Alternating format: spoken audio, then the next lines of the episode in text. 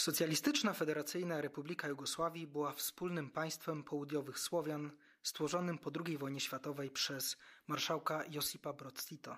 Państwo istniejące niemalże pół wieku scalał osobisty autorytet jego twórcy. Śmierć Tito w 1980 roku była początkiem końca tego państwa. W rzeczywistości dla każdego z bałkańskich krajów Jugosławia skończyła się w innym momencie, z chwilą ogłoszenia niepodległości. Dzisiaj, po ponad 40 latach od śmierci Josipa Broz Tito, będziemy rozmawiać o dziedzictwie II Jugosławii, ocenie tego okresu, a także o zjawisku jugonostalgii, które występuje wśród wybranych mieszkańców Bałkanów Zachodnich.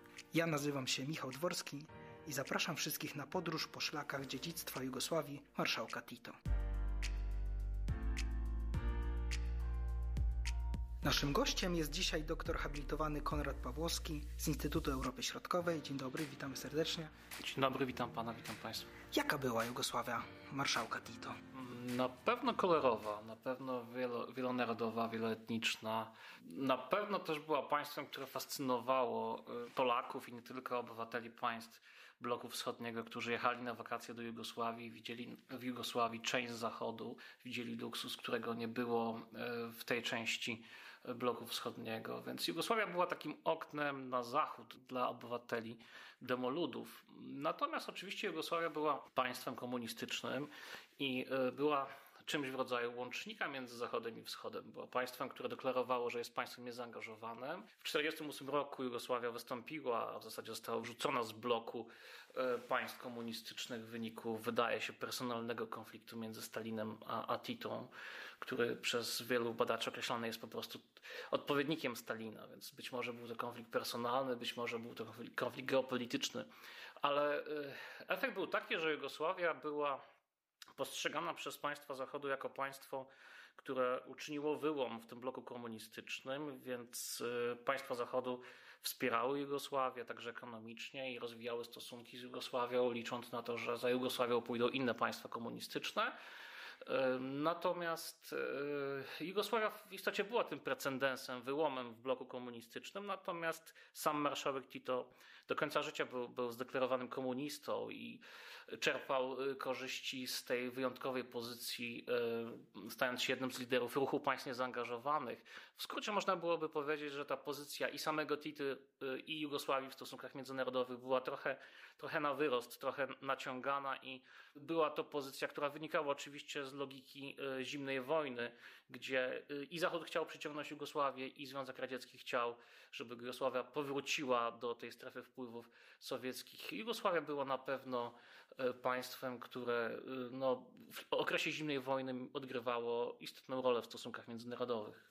Rozmawiając o Jugosławii marszałka Tito, zastanawiamy się właśnie, jakie to państwo było. Staramy się określić jego charakterystykę, także pozycję w Europie i na świecie, ale dzisiaj, z współczesnej perspektywy, staramy się również ocenić to dziedzictwo, co to państwo po sobie zostawiło. To znaczy, czy w ogóle możemy mówić o, o zjawisku dziedzictwa Jugosławii marszałka Tito. To jest bardzo skomplikowane pytanie, bo w zasadzie o jakie dziedzictwo tutaj należałoby zapytać, z którego okresu, czy z okresu walki z e, państwami faszystowskimi w czasie II wojny światowej, czy z okresu późniejszego, e, gdzie jednak można mówić o pewnym no, komunistycznym reżimie, który szczególnie do 56 roku, do 66 roku, co różne daty, gdzie, gdzie można byłoby wskazywać. Oczywiście pierwsza data sygnalizuje zamknięcie obozu dla więźniów politycznych na wyspie Goliotok. Druga e, odsunięcie Aleksandra Rankowicza, szefa Państwowej Służby Bezpieczeństwa. E, reżim Rankowicza był reżimem komunistycznym, Jugosławia była państwem komunistycznym. W tym pierwszym okresie E, była państwem w istocie stalinowskim. Tito rozprawił się z przeciwnikami politycznymi, którzy e, potencjalnie mogli być wspierani przez Rosję. Więc no, pytanie o jakie dziedzictwo pytamy, bo w istocie jest też e, kolejny okres, gdzie Josip Broz Tito świadomy złożoności problemów etnicznych Jugosławii, tych problemów, które były przykrywane w istocie tą koncepcją braterstwa jedności łączącej e, narody jugosłowiańskie, e, no, Tito, Tito zaczyna poluzowywać system. Symbolem tego zmiany modelu państwa jest konstytucja 74 roku, która idzie w stronę zwiększenia autonomii republik jugosławiańskich i, i to oczywiście można różnie oceniać. No, jedni oceniają to jako pozytywny element liberalizacji systemu, który w innym wypadku musiałby się zapewne zakończyć zaostrzeniem faktycznie postępującego procesu dezintegracji wewnętrznej Jugosławii. Być może Tito tu był, był świadomy tego, że, że y, po prostu na dłuższą metę system musi zostać poluzowany, żeby przetrwał. Y, no i czy wreszcie oceniać y, lata 80., które pokazały, że według niektórych Jugosławia żyła tyle, ile sam marszałek Tito, który zmarł w 80 roku, w maju 80 roku i w zasadzie od tej daty ta ostatnia dekada Jugosławii to była dekada stagnacji, dekada pojawienia się na scenie politycznej Jugosławii nowych polityków, którzy no, nie wywodzili się już bezpośrednio z tego nurtu partyzantów komunistycznych i był to okres faktycznie postępującego rozpadu Jugosławii. Y, sam marszałek Tito jest postacią ciekawą, nietypową, kontrowersyjną. W zasadzie życiorys Tity też jest przedmiotem y, rozważań. Wiele faktów było zmienianych, nawet sama data urodzenia Tity jest, jest, jest wątpliwa. Natomiast marszałek też lubił modyfikować swój życiorys, coś dodawał, coś, coś ujmował. Niewątpliwie jego mit jest częścią też autokracji własnej. Natomiast rzeczywiście Tito jest symbolem Jugosławii i dla wielu osób jest symbolem pozytywnym, dla wielu osób jest absolutnie dyktatorem komunistycznym.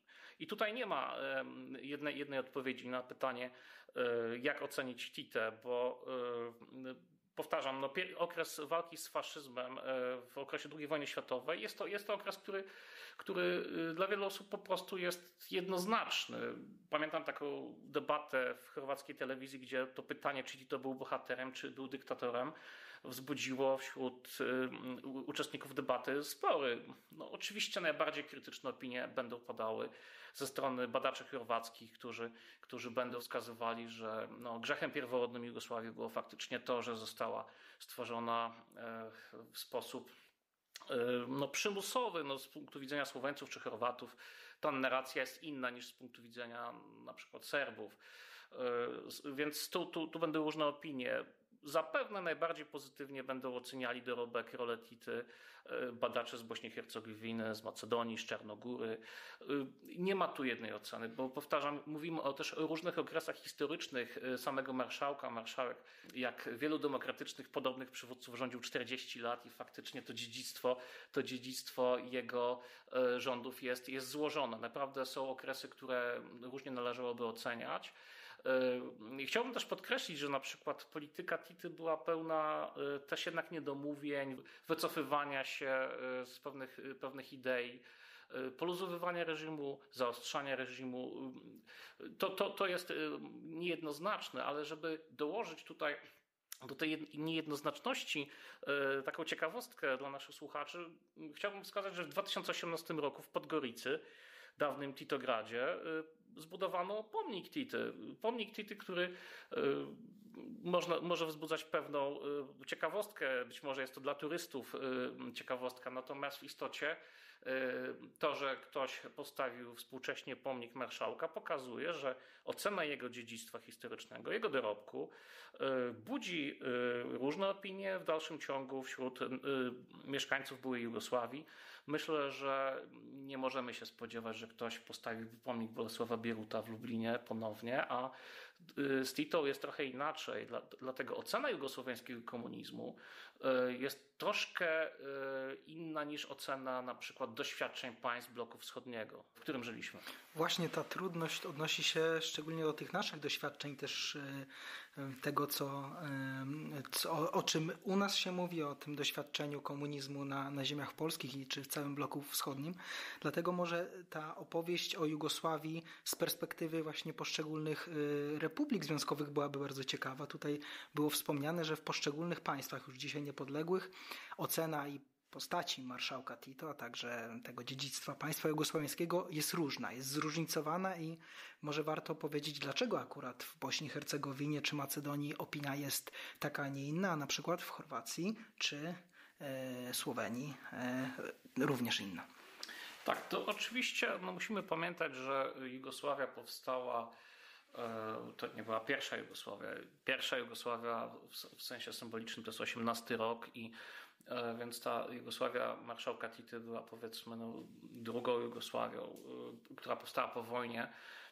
Jeśli chodzi o narody jugosławiańskie, to w przypadku Bośni i Macedonii, narody, które zamieszkiwały te, e, te republiki, bo, bo i Macedończycy, i Bośniacy w sensie takim ogólnym dostali status republiki, e, dostali, którego, który był jednak w porównaniu do e, Królestwa Serbów, Chorwatów i Słowańców, a potem Królestwa Jugosławii był awansem w sensie terytorialnym, także politycznym.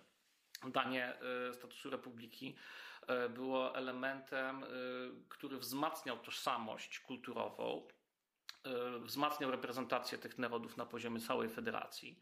Pamiętajmy, że niezależnie od pewnej, pewnego mitu założycielskiego, tego braterstwa jedności, to jednak było to rozwiązanie, które w jakimś sensie odzwierciedlało pewną ideę jedności, równo, równouprawnienia narodów jugosławiańskich, którego no, nie było wcześniej. Elementy dyskryminacji ze strony E, ze strony no, szczególnie ludności serbskiej, które było w okresie Królestwa Jugosławii. To był element, który szczególnie Chorwaci podkreślali. Ale pamiętajmy, że e, to oczywiście jest bardziej złożona historia. Nie chciałbym wchodzić w spory e, polityczne między narracją serbską i chorwacką. Natomiast niewątpliwie w Bośni do dzisiaj Tito jest wspominany jako, jako polityk, który powiedzmy podniósł rangę narodu bośniackiego, który był y, postrzegany często jak y, przez no, Bośniacy jako spadkobiercy Imperium Tureckiego. Takie dość negatywne, pejoratywne postrzeganie y, tej kultury bośniackiej. Status narodowości muzułmańskiej, które, które muzułmanie, czyli współcześni Bośniacy otrzymali w czasach Jugosławii, własne republikę, reprezentacja na poziomie organów federalnych to spowodowało, że y, no do dzisiaj, y, do dzisiaj y, w Bośni, czy w Macedonii, czy w Czarnogórze, Republika Czarnogórska też w ramach Jugosławii, ocena dziedzictwa Tity jest inna niż na przykład w Chorwacji, w Słowenii czy w Serbii, gdzie akurat mam wrażenie, że jest jeszcze inna, dość niejednoznaczna ocena, trochę schizofreniczna ocena tego, czym była Jugosławia. A jak wygląda sytuacja z oceną Josipa Broz Tito w Serbii, w Belgradzie. Prawdopodobnie to stanowisko jest też zróżnicowane i, jak zostało powiedziane, inne.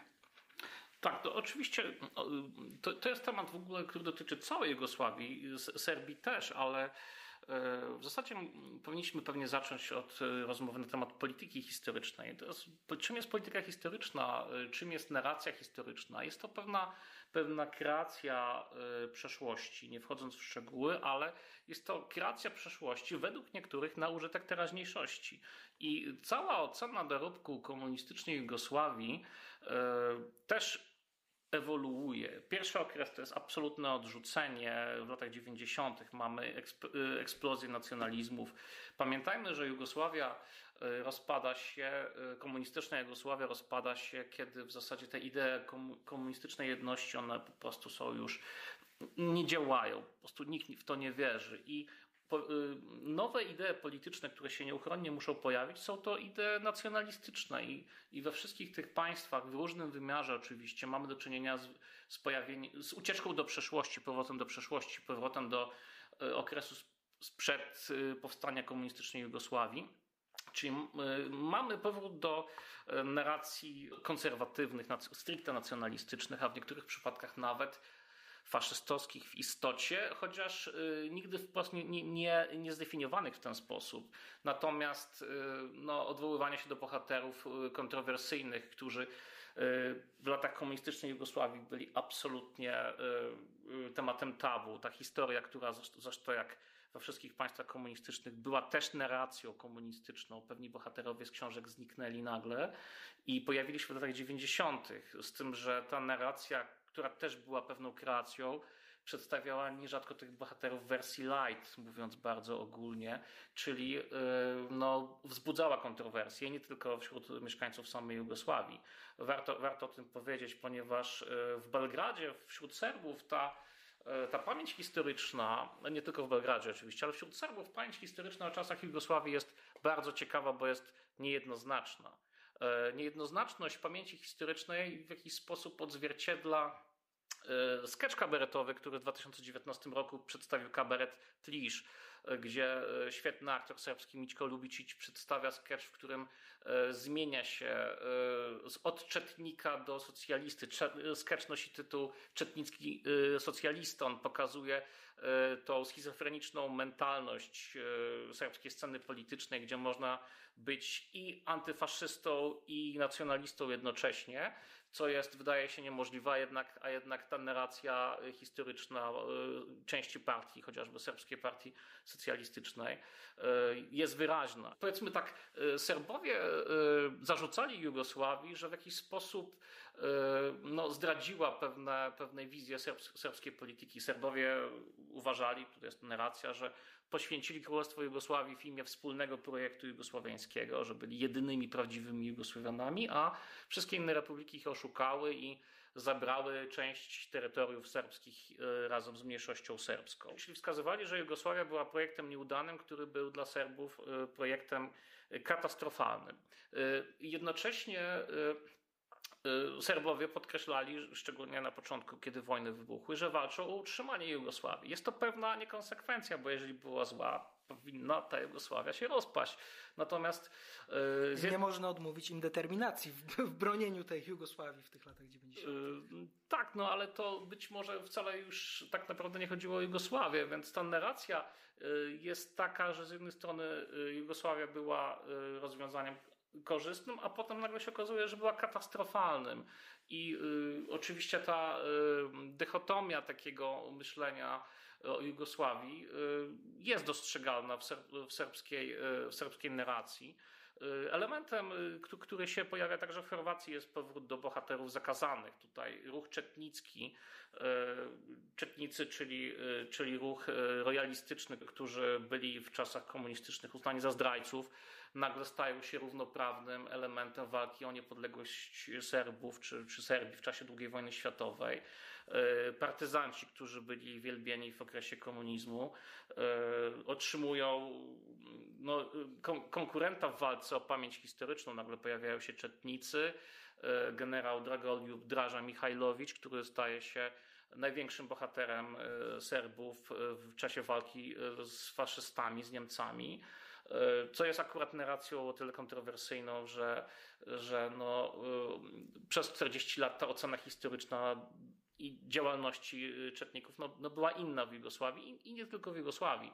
Pamiętajmy o tym, że e, państwa zachodnie wspierały partyzantów, no dlatego że partyzanci walczyli z, z Niemcami, natomiast czetnicy na początku walczyli na końcu, natomiast przez długi okres dość taką zachowawczą postawę prezentowali. Więc nie wchodząc w szczegóły, powiem tak, że w 2019 roku ulica y, generała Draży Michajlowicza y, w miejscowości Kragujewac, przyznanie ulicy generałowi z jednej strony przez część osób oceniono bardzo pozytywnie, że jest to efekt rehabilitacji, zasłużonej rehabilitacji politycznej, a przez drugą część społeczeństwa, że jest to po prostu na użytek polityczny, polityka, polityka rehabilitacji Y, osób, które, y, których dokonania historyczne, mówiąc w największym skrócie, były kontrowersyjne. Ja nie rozstrzygnę tego dylematu, bo to jest dylemat dla historyków serbskich.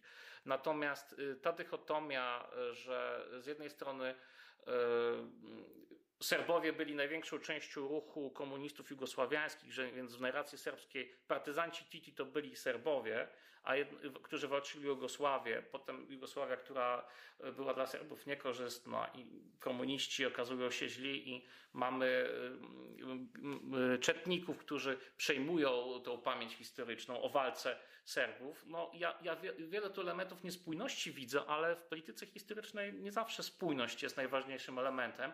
Y, podsumowując tą wizję serbską, mam wrażenie, że ten antyfaszyzm partyzancki przeszedł na, na czetników i ten antyfaszyzm w ujęciu serbskim jest bardzo znacjonalizowany. Zresztą nie tylko w ujęciu serbskim. Ten ruch jugosławiański, który Tito zawsze starał się przedstawić jako ogólnojugosławiański, ruch wielonarodowy, gdzie gdzie tworzono mauzolea partyzantów i specjalnie tam byli pochowani partyzanci, którzy reprezentowali różne grupy etniczne, żeby pokazać, że oni wspólnie walczyli. Ten antyfaszyzm z czasów Jugosławii, on staje się serbski w narracji serbskiej. Okazuje się, że Serbowie byli partyzantami, większość innych narodów, powiedzmy w konwencji y, kolaborantów, y, faszystów się tutaj pojawia. Są to oczywiście narracje, ja podkreślam, że mówię o pewnych narracjach, które są w dalszym ciągu elementem spornym.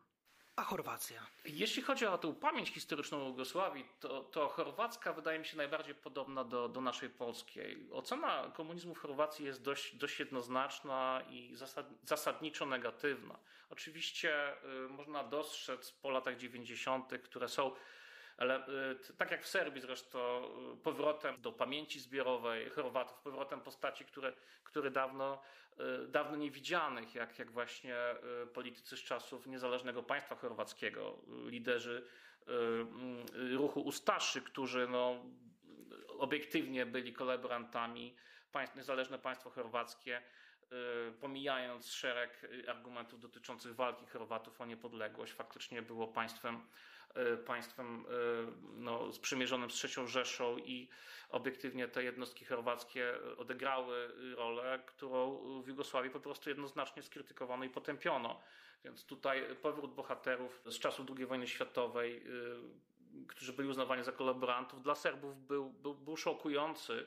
Dla Chorwatów natomiast był pewnym powrotem do do prawd historycznych, które w ich ujęciu były po prostu e, spreparowane przez ideologię komunistyczną, która e, postawiła e, Chorwatów, Ustaszy w jednoznacznie w pozycji zdrajców. Oczywiście to Tito potem wyklarował, ponieważ byli i partyzanci chorwaccy. Sam prezydent Chorwacji Franjo Tuszman też był zresztą partyzantem, dlatego nie odwoływał się do, do nurtu Ustaszy, ale wydaje mi się, że gdzieś wspierał taką narrację historyczną, która wskazywałaby, że i partyzanci, i Ustasze walczyli o niepodległą Chorwację i e, po dwóch stronach, co miało być tragedią, co obiektywnie było tragedią narodu chorwackiego, ale w takim ujęciu e, pojednawczym chciał to przedstawić, że jedni i drudzy walczyli o Chorwację, e, jedni i drudzy zginęli za tą Chorwację i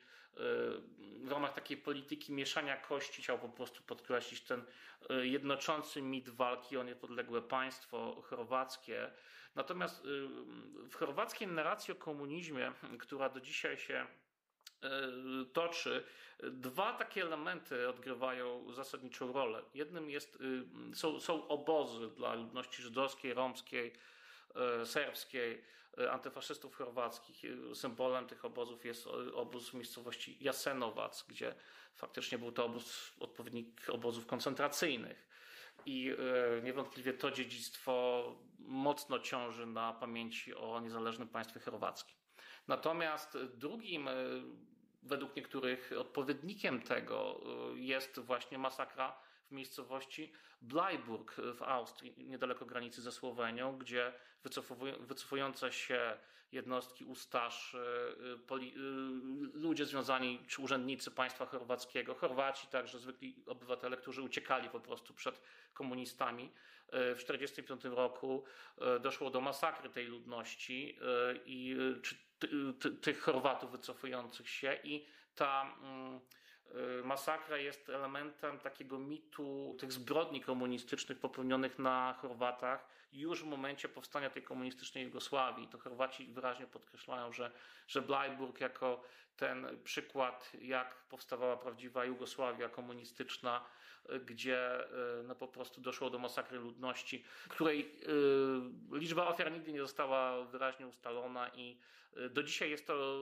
element wielkich kontrowersji, dyskusji politycznych w Chorwacji, także politycznych dyskusji, bo niektórzy politycy o bardziej takiej socjaldemokratycznej orientacji wskazują, że Bleiburg jest faktycznie próbą e, odpowiedzi na Jasenowac, czyli próbą relatywizacji e, dokonania ustaszy w okresie II wojny światowej reżimu Ustaszy. Natomiast, no cóż, w Chorwacji też ci bohaterowie, być może należy powiedzieć w cudzysłowie, bohaterowie walki o, w czasie II wojny światowej, jak ministrowie rządu chorwackiego, czy, czy po prostu sami Ustasze, otrzymują tablice pamiątkowe, otrzymują nazwy ulic, co jest ocenione generalnie różnie, różnie. Z jednej strony jest podkreślanie, że jest to powrót do prawdy historycznej o o istocie walki Chorwatów o niepodległość, która była spreparowana w czasach komunistycznych, a z drugiej strony jest to po prostu e, wskazanie, że Chorwaci i nie tylko Chorwaci odwołują się do bohaterów, do których być może nie powinni się odwoływać. E, wydaje mi się, że ten okres pobudzenia takiego e, kiedy kończy się komunizm, pobudzenia nacjonalistycznego w latach 90. w samej Chorwacji się, się kończy wraz z odejściem Y, prezydenta. Natomiast już potem jest jednak próba y, zmniejszenia y, tego dyskursu związanego z rozejmem Ustaszy. Chorwacja idzie do Unii Europejskiej, jednak podkreśla się antyfaszystowskie działania Chorwatów także i, i tutaj próba wykazania, że Chorwaci też y, są przeciwnikiem skrajnych poglądów y, politycznych, faszystowskich. Y, powoli, powoli Chorwaci się od tego odcinają w ciągu pierwszej dekady tego, tego stulecia i natomiast te elementy, te elementy powrotu do narracji starszy i tego nacjonalizmu skrajnego, one się pojawiają, one są elementem dyskursu politycznego i one będą wracały, tak samo jak w Serbii powrót do czetników, tak samo w Chorwacji reżim Ustaszy budzi dalej kontrowersje, być może większe w Serbii niż w samej Chorwacji. Ja podkreślam, że y, są, są to narracje i y, które są częściowo prawdziwe, częściowo przesadzone, częściowo dopisane, częściowo przemilczane. Politykę historyczną tworzą być może politycy, którzy, którzy wyjmują to, co im pasuje w danym momencie historycznym. Być może polityka historyczna jest reinterpretacją historii na użytek obecnej i przyszłej polityki, a z samą historią ma wiele wspólnego, ale być może, być może nie wszystko. Natomiast y, kończąc, narody jugosławiańskie do dzisiaj mają taki stosunek do, do tej Jugosławii dość złożony. Z jednej strony są osoby, które wspominają organizacje pozarządowe, które odwołują się wprost do dziedzictwa jugosłowiańskiego, tego komunizmu. Natomiast yy, pamiętajmy jeszcze o jugonostalgii, że ludzie, ludzie czasem y, mają tę tendencję, żeby mówić, że 26 lat temu było, było lepiej, dlatego że, dlatego że byli młodsi, ale dlatego też, że w, w przypadku niektórych państw jugosłowiańskich faktycznie standard życia w, czasie, w czasach jugosłowiańskich był wyższy niż dzisiaj. Pamiętajmy, że my tutaj w tej części Europy nie przeszliśmy przez wojny sukcesyjne, przez które przeszły narody jugosłowiańskie. I ta pamięć historyczna z czasów Jugosławii to jest pamięć do okresu, kiedy była polityka socjalna, działały zakłady. Jugosławia była jakby nie, co by nie mówić, szanowanym podmiotem stosunków międzynarodowych. Tito był liderem, którego do dzisiaj wszyscy znają na świecie. No, myślę, że trudno znaleźć innego polityka na obszarze byłej Jugosławii, który byłby tak znany do dzisiaj. To, to jest też fakt. Natomiast to, co przyszło potem, to były wojny, to był rozpad państwa, to były olbrzymie kryzysy ekonomiczne, bo przecież część tych państw z Serbią przede wszystkim, ale to Serbia była, Nowa Jugosławia, czyli Serbia i Czarnogóra była objęta sankcjami gospodarczymi, ale te sankcje uderzały też w państwa sąsiadujące e, z Serbią i Czarnogórą, więc to był kryzys ekonomiczny. I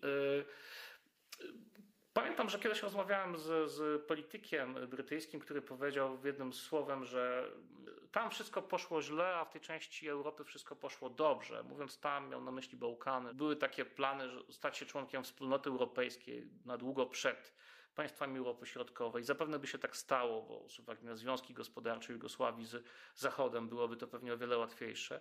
Ta Jugosławia nagle e, stała się, czy, czy to państwa postjugosłowiańskie nagle, nagle stały się problemem, miejscem konfliktu, które do dzisiaj trwają niestety i E, może na koniec powiem, że w świadomości wielu obywateli byłej Jugosławii, e, którzy mieli przyjemność być w Polsce w latach 80., ta Polska w latach 80. jest pewnym, pewnym takim no, smutnym krajem, który oni, oni wspominają, natomiast e, jeśli, jak się, jak się pytają, jak jest w Polsce i nie tylko, no to widać często też takie poczucie, że mm, że ten rozpad Jugosławii per saldo był y, no, tragedią tych narodów jugosławiańskich i y, pojawiało się też pytanie, czy to było warto się podzielić po to, żeby stać się częścią wspólnej Europy? To są, to są bardzo ciężkie pytania, na które podają różne odpowiedzi, naprawdę różne.